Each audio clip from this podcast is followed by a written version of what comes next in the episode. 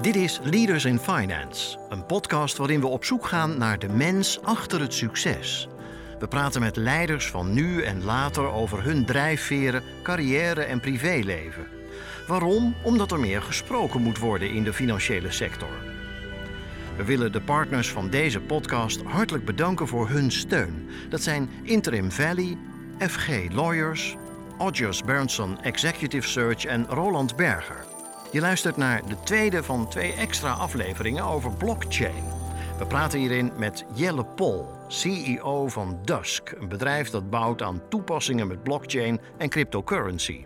In deze aflevering vertelt Jelle Pol over de enorme bedragen die via de blockchain van Dusk lopen. Je ziet ook bij Dusk dat op een goede dag 100% van onze kapitalisatie er ook aan dagelijks volume is. Ja, dat is natuurlijk waanzin. En je hoort hem vertellen dat hij nog vaak moet uitleggen waarvoor zijn bedrijf eigenlijk staat. Jelle Pol over de toekomst van blockchain. Je gastheer is Jeroen Broekema.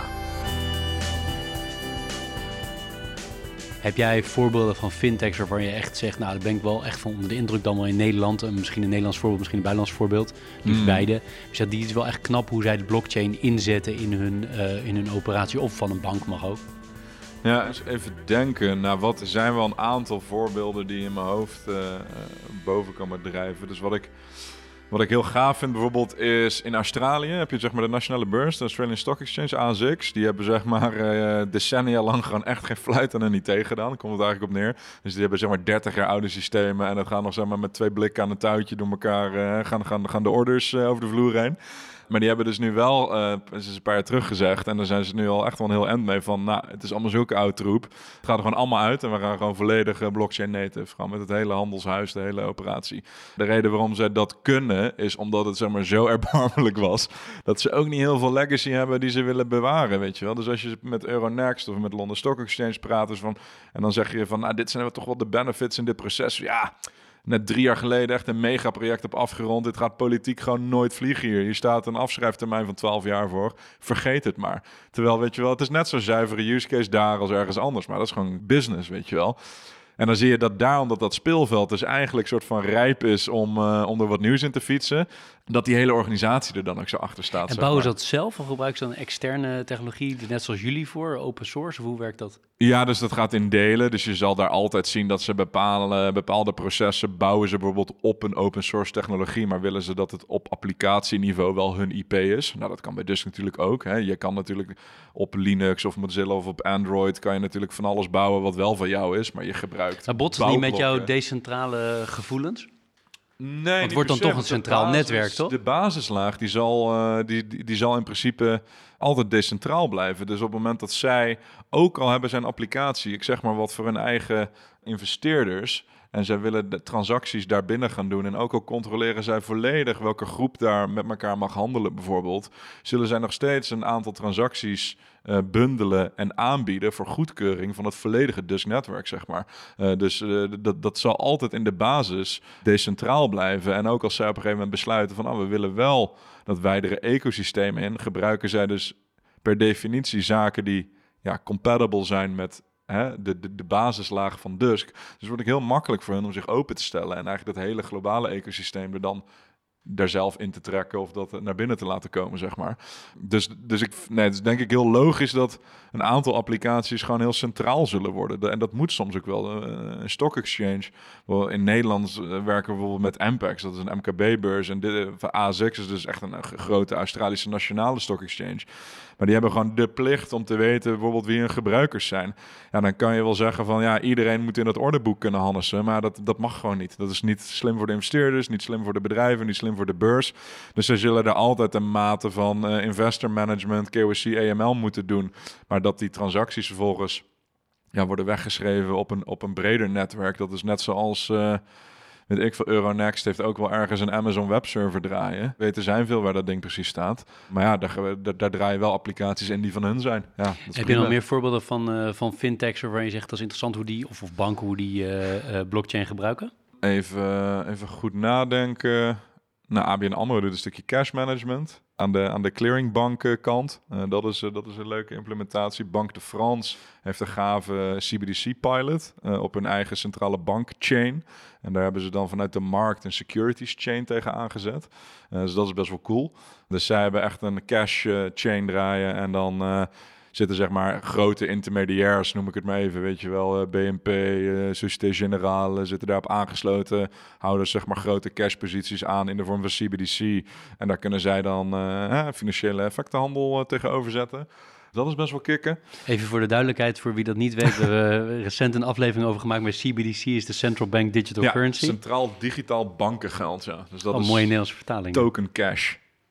Dus Ja. dat is een centrale bank, dus bijvoorbeeld een nationale bank zoals de DNB of een Europese bank zoals de ECB, die dus geld uitgeeft, wat dus volledig tokenized is, zeg maar. Ja. En bijvoorbeeld, we hadden eerder in, eh in Leaders in Finance hadden we Bucks. Gebruiken die niet ook eh, blockchain? Of? Bux eh, heeft wel een blockchain of een crypto vleugel. Ze hebben zeg maar in ieder geval Bux Crypto. Daar gebruiken ze ook blockchain onder, want anders kan je het niet aanbieden. Dus dat doen ze natuurlijk om hun, hun achterban bloot te stellen aan dat soort producten. En ze zitten ook aangesloten bij ABN eh, Clearing. En die dus ook weer, ze hebben het zowel in de, de administratieve keten als, in de, als aan de productenkant. Maar dat is zeg maar, eh, ik, ik probeer wel echt te zoeken naar voorbeelden waar echt een kernproces op de blockchain draait. Echt zeg maar dingen die echt in productie staan. Want je hebt wel meer clubs die blockchain gebruiken als een soort eh, backup of een spiegeladministratie. Of, eh, en dat is ook heel nuttig, want daardoor word je er wegwijs mee en kan je er steeds meer mee. Maar we, uiteindelijk willen we natuurlijk dat er bedrijven of processen zuiver op de blockchain kunnen leven. Dat, dat is waar de, de benefits zitten. Wilde ik tussendoor nog een, ehm, een bepaalde nieuwsgierigheid van mezelf bevredigen. En dat is namelijk iets waar, waar ik echt totaal niet weet hoe het zit, maar wel benieuwd ben. En dat is, je hoort altijd dat eh, bij, bij Bitcoin dan, hè, de cryptovaluta, hoor je altijd dat het zo ongelooflijk veel energie vreet. Ja. Computer, eh, computercapaciteit. Ja. Is, dat een, is dat een issue in deze hele eh, blockchain-wereld of is dat specifiek voor, voor crypto? Je hebt eigenlijk een aantal, eh, dus de manier waarop die blokken worden toegevoegd aan de, aan de keten. Dus nou, het heet dus precies de blockchain, omdat het gewoon een, een, een, een, een, opvolgende serie is van blokken transacties. Een blok is gewoon niks meer of minder dan eh, duizend transacties, ik zeg maar wat. Dus elke keer als we duizend transacties hebben, stoppen we het in een doosje en dan prikken we het vast aan de vorige blok van duizend en die gaat helemaal terug tot en met moment nul. Dat is de blockchain. Nou, de manier waarop we met z'n allen besluiten dat er weer een blok bij mag. Dus controleren of het allemaal hè, eh, zuivere koffie is. Eh, dat, noemen we eh, consensus bereiken. Dus dan zijn we met z'n allen eens van... oh ja, hier zegt A eh, doet tientje naar B. A, A had inderdaad een tientje. Nou, weet je wel, dus alle checks en balances worden gedaan. En dan mag zo'n blok worden toegevoegd. Nou, de manier waarop bij Bitcoin zeg maar die checks en balances worden gedaan, dat kost heel veel energie. Eh, dus dat is waar mining voor gebruikt wordt. Eh, dat is gewoon de grondstof die zij inzetten om elke keer weer het puzzeltje op te lossen, is, is gewoon kilowattuur, zeg maar. Nou, je hebt inmiddels na Bitcoin zijn er allerlei opvolgende golven gekomen die eh, een andere vorm van grondstof daarvoor gebruiken. Dus dat kan bijvoorbeeld zijn autoriteit of een, een bepaalde eh, waarborgsom die je inlegt of noem het allemaal maar op. Je kan allerlei, op allerlei manieren kan je zeg maar die puzzel gaan kraken. Dus je ziet dat de golven eh, blockchains waar bijvoorbeeld je Dusk onder kan rekenen, eh, zeer energiezuinig zijn. Want we ook wel zien dat als alle blockchains ter wereld op die tour gaan, dan gaat de sector waarschijnlijk niet vliegen, zeg maar. Dus het is, eh nou, Dusk aan zich is heel energiearm. De meeste blockchains tegenwoordig zijn vrij energiearm. Dus bij- uiteindelijk zeg jij, gaat dit geen probleem opleveren? Het gaat sowieso geen probleem opleveren. En ook bij Bitcoin durf ik nog wel een lans te breken voor wat het inmiddels aan waarde vertegenwoordigt. Of echt als serieuze sectortje begint te worden. Gaat er inderdaad veel energie in om. Maar als je dat tegenover hè, het energiegebruik van een gemiddelde andere nuttige sector zet, eh, valt het ook wel mee hoor.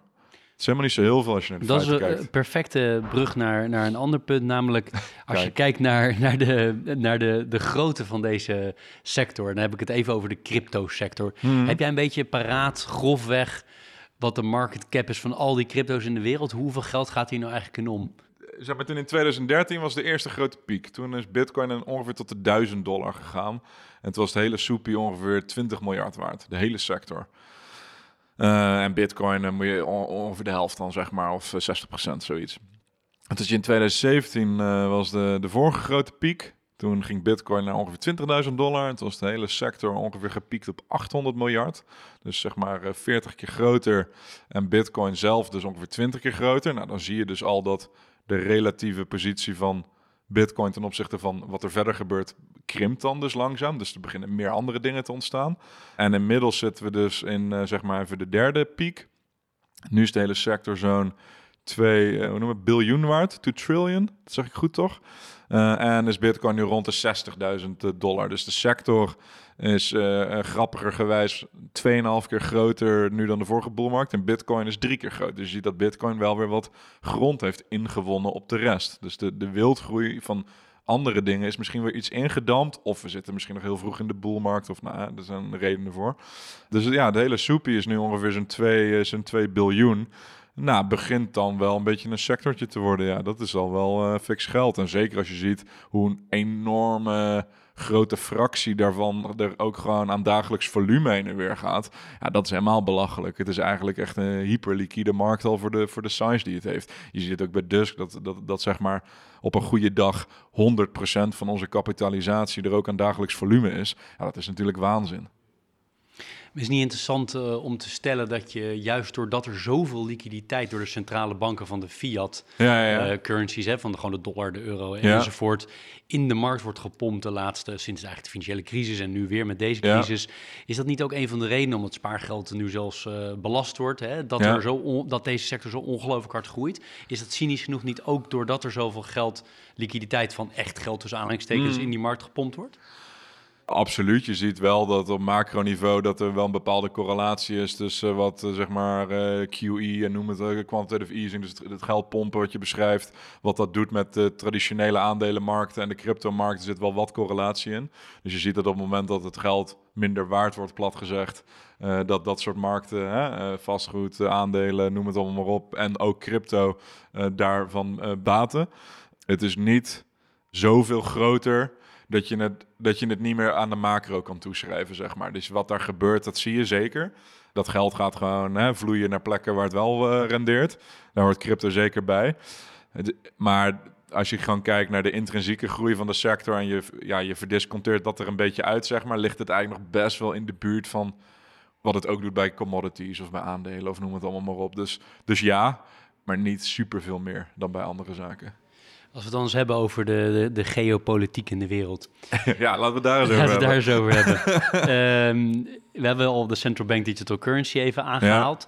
Als je kijkt naar de grote economieën in de wereld, laten we de Europese Unie dan maar even als één zien. En, en China, Japan en Amerika. Laten we het gunnen. Laten we het onszelf gunnen.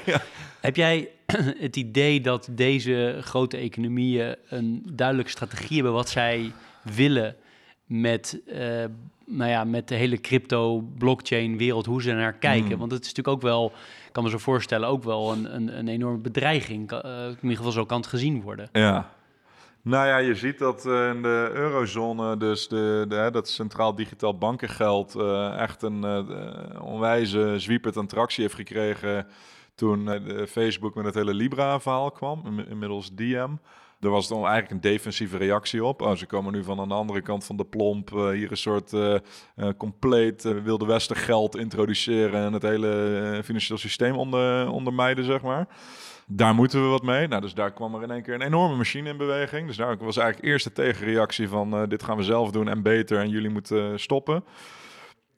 Toen, dus dat begon heel defensief. Nou, toen zagen we bijvoorbeeld machten zoals China er overheen komen, dus heel offensief. Met ja, uh, wij willen ons ook wel verdedigen tegen dat soort dingen, maar we willen dit ook intrinsiek zelf heel graag. En hè, centraal digitaal bankengeld. Nou, en dat was ook weer een reden om in Europa dat dat weer vaart is bijgezet van oké, dan moeten we niet alleen verdediging spelen, maar nu gaan we ook echt uh, aanval spelen. Dus je zag dat daar wel weer meer tractie uit voortkwam over het algemeen is de Europese Unie gewoon ook hè, op macroniveau de klassieke polderaar.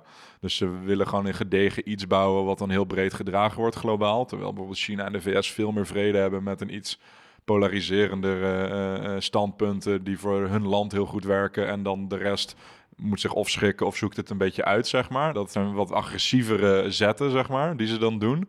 Ja, met de klassieke gevolgen van dien. Uh, dat is typisch Amerikaans ook vaak, toch? Of ze zijn gewoon ergens de beste in, of iedereen vindt ze een beetje irritant. en uh, nou, dat zie je gewoon bij dit soort dingen ook.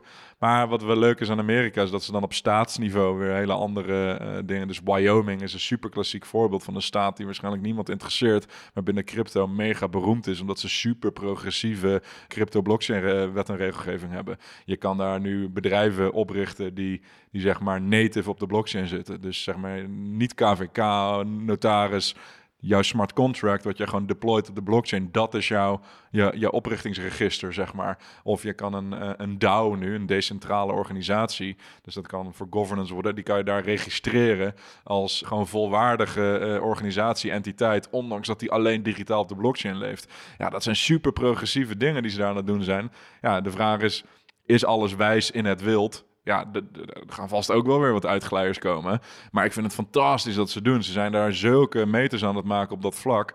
Um, dus je ziet wel ook weer in die landen op kleiner niveau wel wat uh, verschillen. Maar Amerika aan zich is natuurlijk, uh, zeker aan de financiële sectorkant, is de klassieke uh, SEC, FTCC zwaar gereguleerd, alles plat slaan. En anders heb je een mega lawsuit uh, aan je broek. Nou, dat is wel iets ontdooid weer de laatste jaren, maar zeker een paar jaar terug was dat super hevig. Nou, China is natuurlijk overal de deksel op geknald, totdat ze volledig door hadden hoe ze het kunstje zelf het best konden doen. En dan gaat het weer langzaam open. Toen ik zelf een keer met mijn vriendin naar China ging was niet meer zeg maar, toevallig hoeveel steekproeven ik kreeg. Zeg maar. Dan ben je gewoon ergens door de, door de mangel gehaald en dan doe je iets met die technologie. En dan sta je gewoon 26 keer per dag uh, op een politiebureau en hebt een houden uit te leggen. Zeg maar. Ja, dat soort dingen zijn daar wel gewoon realiteit. Maar je ziet dat ze op macroniveau ja, wel, wel, wel echt goede zet aan het doen. als je naar de Nederlandse bank kijkt en de autoriteit financiële markten, hoe, gaan die er, uh, hoe kijken die er naar in jouw optiek? Nou, DNB heeft natuurlijk aangegeven in een paper uh, april vorig jaar dat ze op, uh, op, op, op, op dat Centraal Digitaal Bankengeld wel een voortrekkersrol wilden spelen. Dat vond ik ook een hele gedegen paper waar veel goede overwegingen in stonden. Je zag wel tussen de lijntjes door dat, het nog wel, dat ze wel neigden naar een wat conservatievere aanpak. Nou, dat, dat hoeft verder niet goed of slecht te zijn, maar ik denk dat als je als nationaal, uh, nationale centrale bank een voortrekkersrol wil spelen in een product dat in principe op Europees niveau uitgerold zal gaan worden, dat je dan er, er meer baat mee hebt om dat heel progressief en agressief te doen. Want namelijk de centrale organisatie die uiteindelijk verantwoordelijk is dat het echt een goed product wordt, ja, die komt je vanzelf denk ik wel terugfluiten en indammen om het weer een beetje naar het midden te polderen, zeg maar. Terwijl als je dus aan de veilige kant gaat zitten, ja, dan ja, dat, dan, vraag, dan weet ik niet precies wat je dan toevoegt op Europees niveau aan dat project, zeg maar. Dus je kan denk ik beter daar, daar wat agressiever in zijn. Dus we zijn toen die dialoog ook aangegaan en, en er zit ook wel wat beweging in. Maar ja, ik, ben, ik ben benieuwd. Het, zal, uh, het gaat zich echt wijzen in de implementatie of, daar, uh, of, daar, of er met dat, dat geluid wordt gedaan uh, wordt.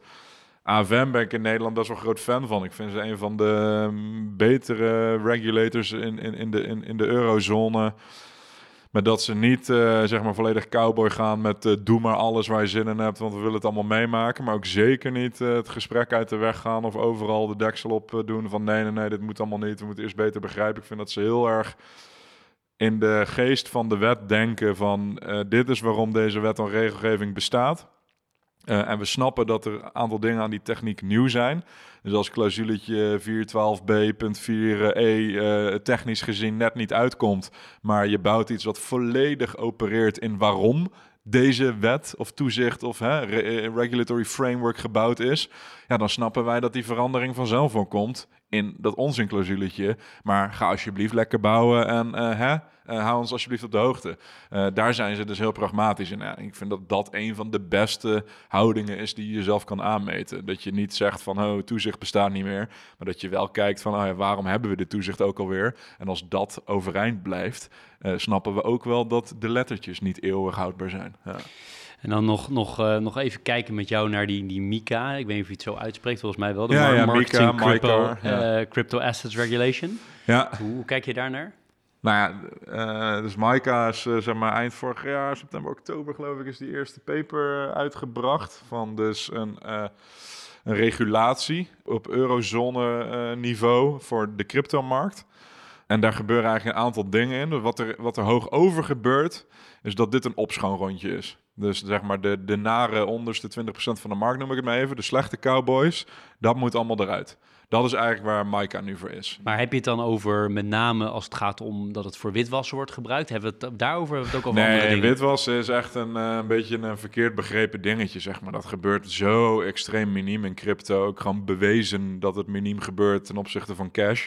Dat is echt een, eh, dat is meer een narrative dan iets wat echt speelt. Wat we gewoon meer bedoelen is bedrijven die eh, eh, investeerders misleiden, eh, eh, producten de markt inzetten met nul waarde of nul intentie om het te gaan bouwen. Gewoon echt eh, cowboy shit, zeg Dus maar. eigenlijk, jullie eh, doen jullie, j- jullie geldophaalronde. Ja. En uiteindelijk ga je dat geld gebruiken alleen maar voor jezelf en ga je nooit een platform bouwen, zeg maar, op die manier. Ja, of er staat misschien zelfs in jouw memorandum dat je er helemaal niks mee gaat doen. Maar je, je spreekt gewoon het publiek aan wat er totaal geen kaas van heeft gegeten. Dus je zit gewoon groepen aan te spreken of, te, of om de tuin te leiden. die zichzelf helemaal niet weerbaar zijn, zeg maar, daartegen. Nou, dat soort zaken wordt wel op ingegrepen, zeg maar. Leuk dat je nu een token doet in plaats van een eh, aandeel. Maar we willen nog steeds wel dat je daar een, een, soort van investeringsdocument voor maakt, weet je wel. Of dat je aan bepaalde eisen gaat voldoen. En dat het allemaal nieuw is, is prima. Maar eh, moet niet zo zijn dat puur omdat het nieuw is... dat zeg maar half naïef Europa door de mangel wordt gehaald ergens met spaarrekening. Dus dat soort zaken zie je.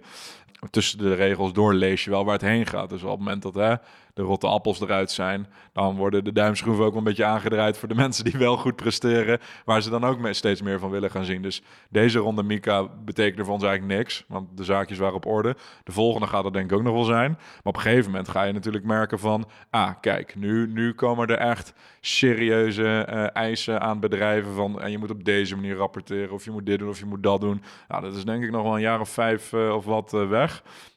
Maar je leest wel waar dat heen gaat bewegen. Maar Mika nu in de grote zin was... Ja, ze hebben gewoon een aantal grote standpunten verhelderd. Dus ze hebben gewoon gezegd security tokens. Dus hè, eh, getokeniseerde financiële instrumenten. Dus echt effecten, securities. eh, vallen gewoon onder MIFID. Dus leuk dat het een token is. Het is gewoon MIFID. Technisch verschilletje, verder boeit het niet. Nou, dat is een fijne opheldering. Ze hebben gezegd stablecoins, dus geld, cash valt in deze smaken. Dus CBDC en eh, dit en dit en dit. En zo zien we die. En aan de geldophaalkant eh, zien we ook nog een paar smaken, zeg maar, waar wij willen eh, dat je aan voldoet. Wat eigenlijk de direct de meest ingrijpende was, wat voor, was voor ja, CASPs heette dat, Crypto Asset Service Providers. Dus bedrijven die dus niet een, een, een technologie of een protocol bouwen, maar een product of een dienst leveren in de sector. Dus dan hebben we het over wisselplatformen, over bewaardiensten. Dus de Bitonics van Nederland, die natuurlijk hè, nu al onbekend zijn vanwege de rechtszaken, dat soort zaken. Die dus echt een gereguleerd, ja, een of een bekende dienst leveren met een nieuw product. Echter, het gaat nu om crypto, maar een bewaardienst of een wisseldienst is natuurlijk conceptueel een bekend iets al. Dus daar willen ze dan al veel sneller wat mee. Want dat zijn toch de plekken waarop mensen de sector in en uit gaan. Nou, daar was dus in Nederland een hele heftige implementatie van. Vandaar ook al die stennis met uh, DNB en, en, en Bitonic. Um, maar op Europees niveau waren dat vooral nog wat voorschriften van... dit is wel hoe we willen dat de bedrijven die zeg maar, mensen de sector inlaten uh, zich gedragen. Dus ja, over het algemeen, Mika, heel positief. Ik hoop dat het niet doorslaat uh, met de jaren naar een, uh, naar een strop. En ik hoop dat inderdaad nationaal ze ja, niet te rigide over de, de, de, de, ECB of de, niet de ECB, de Eurocommissie uh, ideeën vliegen en het zeg maar super rigide maken. Want je, je, vernielt gewoon je, je nationale concurrentiepositie met je buren als het hier uh, een grote inderdaad teerput is aan de wet en regelgeving en, en je over de grens nog lekker kan, kan doen wat je hiervoor deed, zeg maar. We hebben het heel veel gehad over de, alle voordelen van blockchain, alle toepassingen, alle mogelijkheden. Je voelt hem al aankomen. Waar, waar, zitten wat jou betreft de grootste gevaren of uh, de, je kan ook eens kunnen zeggen de, de grootste uitdagingen voor de, voor de blockchain technologie uh, de komende jaren, maar misschien wel verder. Uh, misschien wel tien jaar, twintig jaar. Zo, zo, dan moet ik die, zo, ga ik even proberen af te pellen op sectorniveau. En dan misschien ook nog leuk omdat, om, hoe ik daar vanuit Dusk gewoon naar kijk. Als het, zeg maar, het hebben van een blockchain bedrijf, om het even zo te noemen. Oké, het is een sector die super vroeg onder de limelight is gekomen, zeg maar. Het is eigenlijk belachelijk dat iets wat in 2008 is begonnen met een whitepaper, al van even hoog over vijf jaar later, uh, uh, mega uh, populair, speculatief investeren. Al, er was al meteen super veel geld in te verdienen.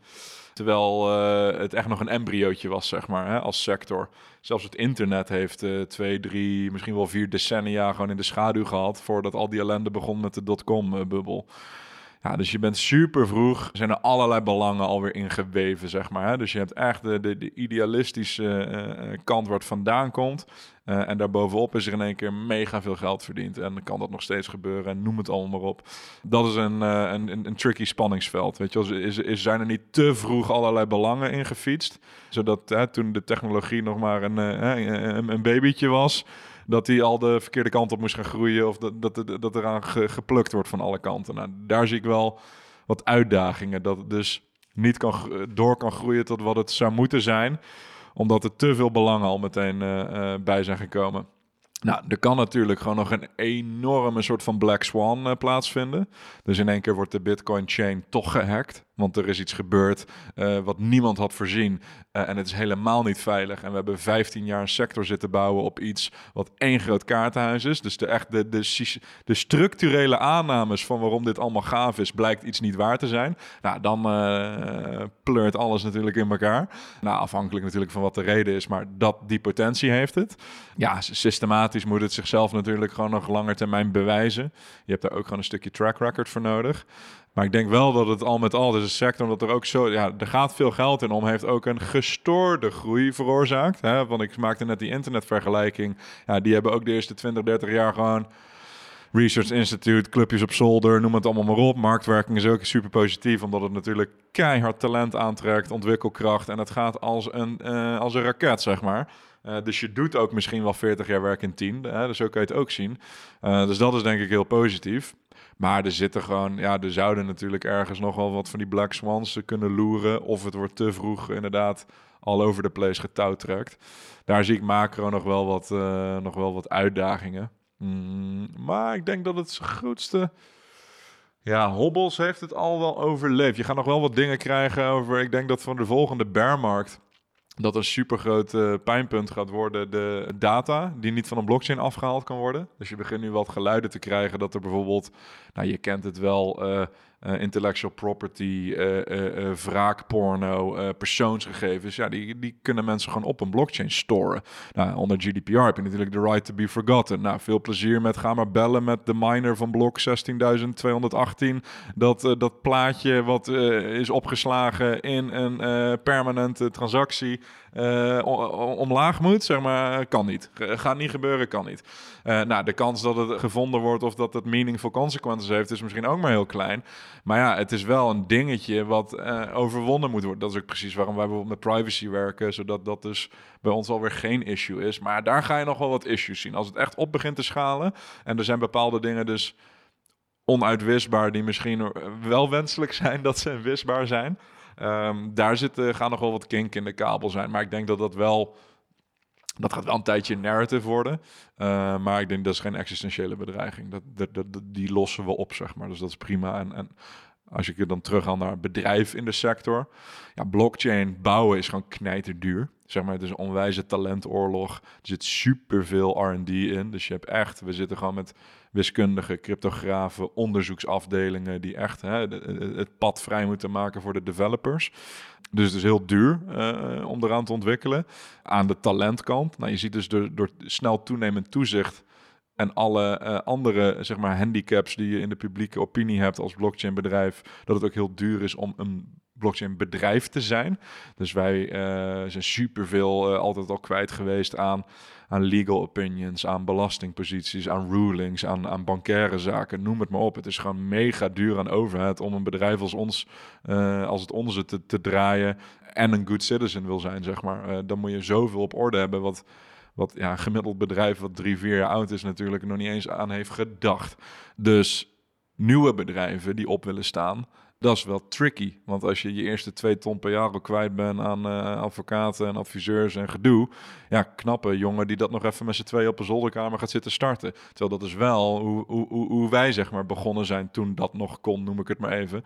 Uh, en dat gaat nou altijd nog wel een beetje blijven gebeuren. Want ja, je begint ook op het moment dat je nog niet weet dat al die ellende eraan komt. dus dan uh, ga je die, je tackelt dat gewoon as it comes. Maar je moet wel oppassen dat je, de, dat je de barrières niet te hoog opgooit. En dat het dus weer zo'n soort van feestje wordt voor de jongens die al bestaan. Ik denk dat het juist heel mooi is als we die, uh, als we die barrières laag kunnen houden. En dat het echt uh, nog even lekker door innoveert. Dus dat is, uh, dat is gewoon een uitdaging die je als mm, land of whatever wijdere economische zone hebt om, uh, ja, om het ook de kans te geven om te floreren. En dus niet te zeggen, wat ik dus eerder al zei uh, in mijn betoog, dat we dan gaan doen alsof het allemaal super complex en onbegrijpelijk is. En dus heel veel overhead op loslaten. En vervolgens bottom line zeggen dat het niks oplevert. Maar ja, dat doen we dus zelf, zeg maar. Hè? Dus als je als je iedereen een rekening aansmeert van een paar ton per jaar en vervolgens zegt van, nou, die jongens uh, konden zich niet boven water houden, er zal toch wel niks in zitten, dat blockchain. Dat is natuurlijk een beetje een domme redenering, maar wel wat je helaas ziet. ben heel erg benieuwd waar de, waar de sector zich naartoe gaat, uh, gaat bewegen. Misschien dat we over een tijd nog maar eens afspreken. Ja, hoor. Um, van mijn kant in ieder geval voor nu de laatste, laatste vraag. En uiteraard krijg jij ook de kans om nog dingen te noemen die, jij, uh, die, ik, die, die je graag had willen bespreken. Maar mijn laatste vraag is eigenlijk, uh, er luisteren tienduizenden mensen naar deze podcast ieder jaar. uiteraard. maar is ook, de, ja, nog een keer gesprek uiteraard, ja zeker. Ehm, maar er luisteren heel veel mensen. En stel nou, ik, ben een, ik zit in de raad van bestuur van een grote verzekeraar of een grote bank of een andere grote uh, financiële instelling in Nederland. En ik hoor dit, uh, dit verhaal uh, van jou. En ik denk, ja, dit vind ik eigenlijk heel interessant. Mm. Wat, wat, wat moet hij dan? Kan die, zou die, kan die jou, kan die jullie bellen? Kan die, kan die zeggen, nee, ik moet mijn mensen juist het platform laten gebruiken? Maar wat zou je hem adviseren als je denkt van, ik, hier, ik zie allerlei aanknopingspunten voor mijn, voor mijn organisatie? Nou ja, wat, wat in principe uh, staat er natuurlijk iedereen vrij om even met z'n met, met, met voeten de klein te gaan, zeg maar. Dus al is het maar uh, dat je binnen je, uh, je RVC of whatever, joh, koop gewoon een keer voor 20 euro bitcoin en verplaats het gewoon eens van wallet 1 naar een ander. En dat is misschien al een hele stap, maar dan weet je al een klein beetje van zoveel zeg maar, senior leaders die ik spreek, hebben zeg maar, die stap al niet gedaan. Dus dan hebben ze een heel beeld bij blockchain en wat het allemaal is, maar dat komt allemaal uit PowerPoint slides. Terwijl je merkt dat mensen die alleen al even dat dingetje hebben gedaan, gewoon even twee tientjes crypto hebben gekocht en het een keertje hebben verplaatst. Of eens even hoog over kijken van hoe voelt het nou echt, hè? als ik er echt mee ga spelen. Dat zijn dan zulke andere gesprekken, want dan ineens heeft het al een beetje feeling, zeg maar. Dus dat zou ik een ieder aanraken. En, en als je uh, daar uh, niet zo handig in bent, dan laat je iemand het voor je neus doen, uh, live of whatever. Maar gewoon ga even uit de PowerPoint en peel gewoon even. Want je kan voor een paar tientjes heb je zeg maar de beste cursus, instapcursus die er is. Je kan het gewoon allemaal voelen, ruiken en meemaken. Ik denk dat dat uh, super goed is voor elke vorm van dialoog. Daarnaast zou ik eh, inderdaad zeker een stukje uh, educatie doen. Uh, ook heel goed inzoomen op dat het niet de zilveren kogel is die, waar het vaak de optiek die, die het kan meekrijgen, dat het overal goed voor is. Het is uiteindelijk gewoon een, echt een administratieve powerhouse. Dus kijk naar de juiste processen waar dat ook waarde heeft. Het is echt niet voor alles. Dus snap ook waar het wel en niet goed in is. Dan kan je het ook op waarde schatten in een discussie. Ja, en voor de rest denk ik dat de grootste ehm, beslissing die je moet maken als bedrijf kijkt hoe kernachtig het voor jou kan zijn. Want ik denk dat de grootste fout eigenlijk die je kan maken is al dan niet zelf een blockchain team optuigen. En, het, en, en dat of zeg maar foutief doen omdat je denkt dat je het nodig hebt, want het is super duur.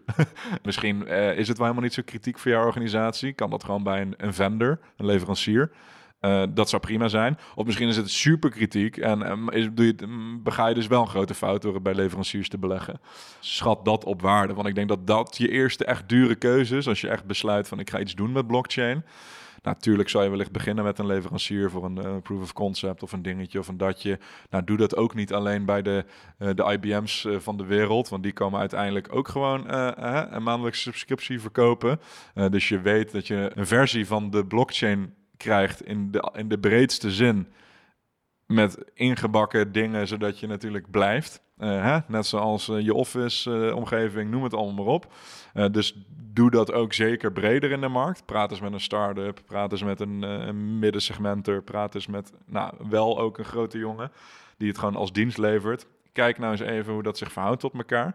En besluit inderdaad dan even van, ah, heb ik een eigen blockchain team nodig? Is het zo kritiek of kan ik dit inderdaad in de markt? Want daar zie ik nog wel veel zeeperts gemaakt worden dat ze dan een of ander team optuigen met acht man en vijf BD's erop. En dan is het allemaal hoog van de toren blazen. Dan fikken ze in een paar jaar tijd 10 miljoen weg. En dan hebben ze uiteindelijk nothing to show for it. En dan is blockchain dus ineens kut. Ja, en dat is dus jammer, want je hebt zelf dus gewoon niet goed gekeken waarom je dit wilde. Of wilde heel graag meedoen in het grote corporate innovatietheater. Uh, nou ja, dan zet je gewoon een uh, handige marketeer neer die vette slides maakt. Dat je ook wat met blockchain doet. Uh, maar moet je niet je portemonnee trekken en, en, en dan vervolgens boos gaan zitten doen. Heb jij tot slot... ja, uh, lekker kort de bocht, hè? Nee, dat is een mooi, vind, ik wel, vind ik wel een mooi, mooi pakkend uh, einde. Maar misschien heb jij nog wel iets waarvan je zegt... Jeroen, dat had ik heel graag willen, uh, willen delen of wat ik over. We hebben heel veel onderwerpen aangeraakt. Ja, we hebben superveel je bent, gedaan. je bent ongelooflijk enthousiast. Het is ook heel leuk om naar te luisteren. Vind ik ben ontzettend geboeid. Ik zit hier op mijn teller te kijken. Wel aardig, aardig doorgepraat in, in, in, in, deze twee delen. Aardig minuten aan het maken. Precies. Maar heb jij nog iets waarvan je zegt... dat had ik graag willen delen? Eens even kijken. Ik zit even te denken wat inderdaad voor...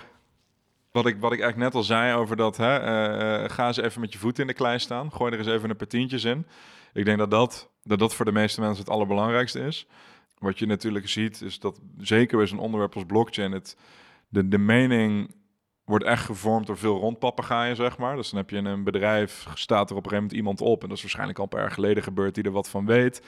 En dan ontstaat er een soort eerste mening. En over de jaren heen krijg je een soort allemaal gaam wat dan leeft in de sector, bijvoorbeeld in Nederland. En dan heb je op allerlei onderwerpen van wat mensen dan voor beeld hebben van zo'n technologie. Uh, en het slaat gewoon echt wel vaak toch de plank mis. Of het is uh, zo door de bril van het bedrijf, zeg maar. Ja, dat je gewoon jezelf daar tekort in doet. Het is super leuk om juist eens even te kijken ook van... Uh, wat gebeurt er nou in cryptoland? Dus dan heb je het puur over de cryptocurrency. En daar ligt techniek onder die misschien wel in jouw bedrijf van toepassing is. Uh, en misschien is crypto wel helemaal niet iets voor jouw bedrijf, maar alleen de onderliggende technologie. Maar dat is wel waar het vandaan komt, zeg maar. Het is heel naïef om, zeg maar, die teksten die ik hoor van... Ja, nee, we hebben het hier puur over blockchain, niet over crypto. We kijken alleen naar de techniek en crypto, daar moeten we het niet over hebben. Ja, ik snap wel dat, dat je, zeg maar, die, die cowboy-associatie niet wil met je bedrijf. Dat snap ik wel. Maar gewoon achter gesloten deuren, als je gewoon met je tech-team zit of met je innovatieclub... is het toch super naïef om te doen alsof het daar niet vandaan komt... en alsof daar niet allerlei fantastische ontwikkelingen zijn. Dus pak, pak het beestje gewoon bij de horns. Bekijk het van alle kanten en maak dan je besluit van dit is het voor ons. Maar niet uh, kop in het zand en doen alsof die eerste zes jaar van die sector niet bestaan. Want ja, daarvoor, daar, dan ga je gewoon de nood niet kraken. Daar haal je er gewoon echt niet meest uit. Mooi. Heel veel dank, wat ik al zei, voor je enthousiaste verhaal. Er zit ongelooflijk veel in, ook heel veel aanknopingspunten. En mooi dat je al zei dat je uiteraard bereid was om nog een keer te praten. Ik vind het heel interessant om, omdat de ontwikkelingen zo snel gaan. Dat komt ja. natuurlijk mede omdat jij, zoals jij het ook, nou ja, mijn woorden, maar zelf beschreven, omdat er zoveel geld ook in omgaat, mm. gaan die ontwikkelingen toch altijd nog harder, denk ik. Ja. Uh, dus heel leuk om uh, over een, over een uh, x aantal maanden of jaren weer nog eens te praten en te kijken waar we dan, waar we dan staan. Voor nu wil ik je heel hartelijk danken. Je krijgt zo nog een klein bedankje voor al je voor al je tijd. Um, en ik, um, uh, ik ben heel erg benieuwd hoe het uh, jou zal vergaan in de toekomst, maar ook hoe het uh, Dusk zal vergaan. Dus nogmaals veel dank Jelle voor je tijd. Geen probleem, het was absoluut een plezier om mee te doen. Dus tot de volgende.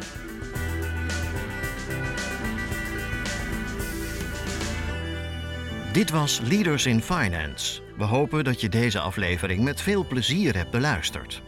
We stellen je feedback erg op prijs. Wat houdt je bezig en over wie wil je meer horen? Laat het weten via een Apple of Google review. Dat kan ook via de sociale media kanalen of direct via een e-mail. We kunnen het enorm waarderen als je dat doet. Tot slot danken we onze partners voor hun steun. Dat zijn Interim Valley, FG Lawyers, Odgers Burnson Executive Search en Roland Berger.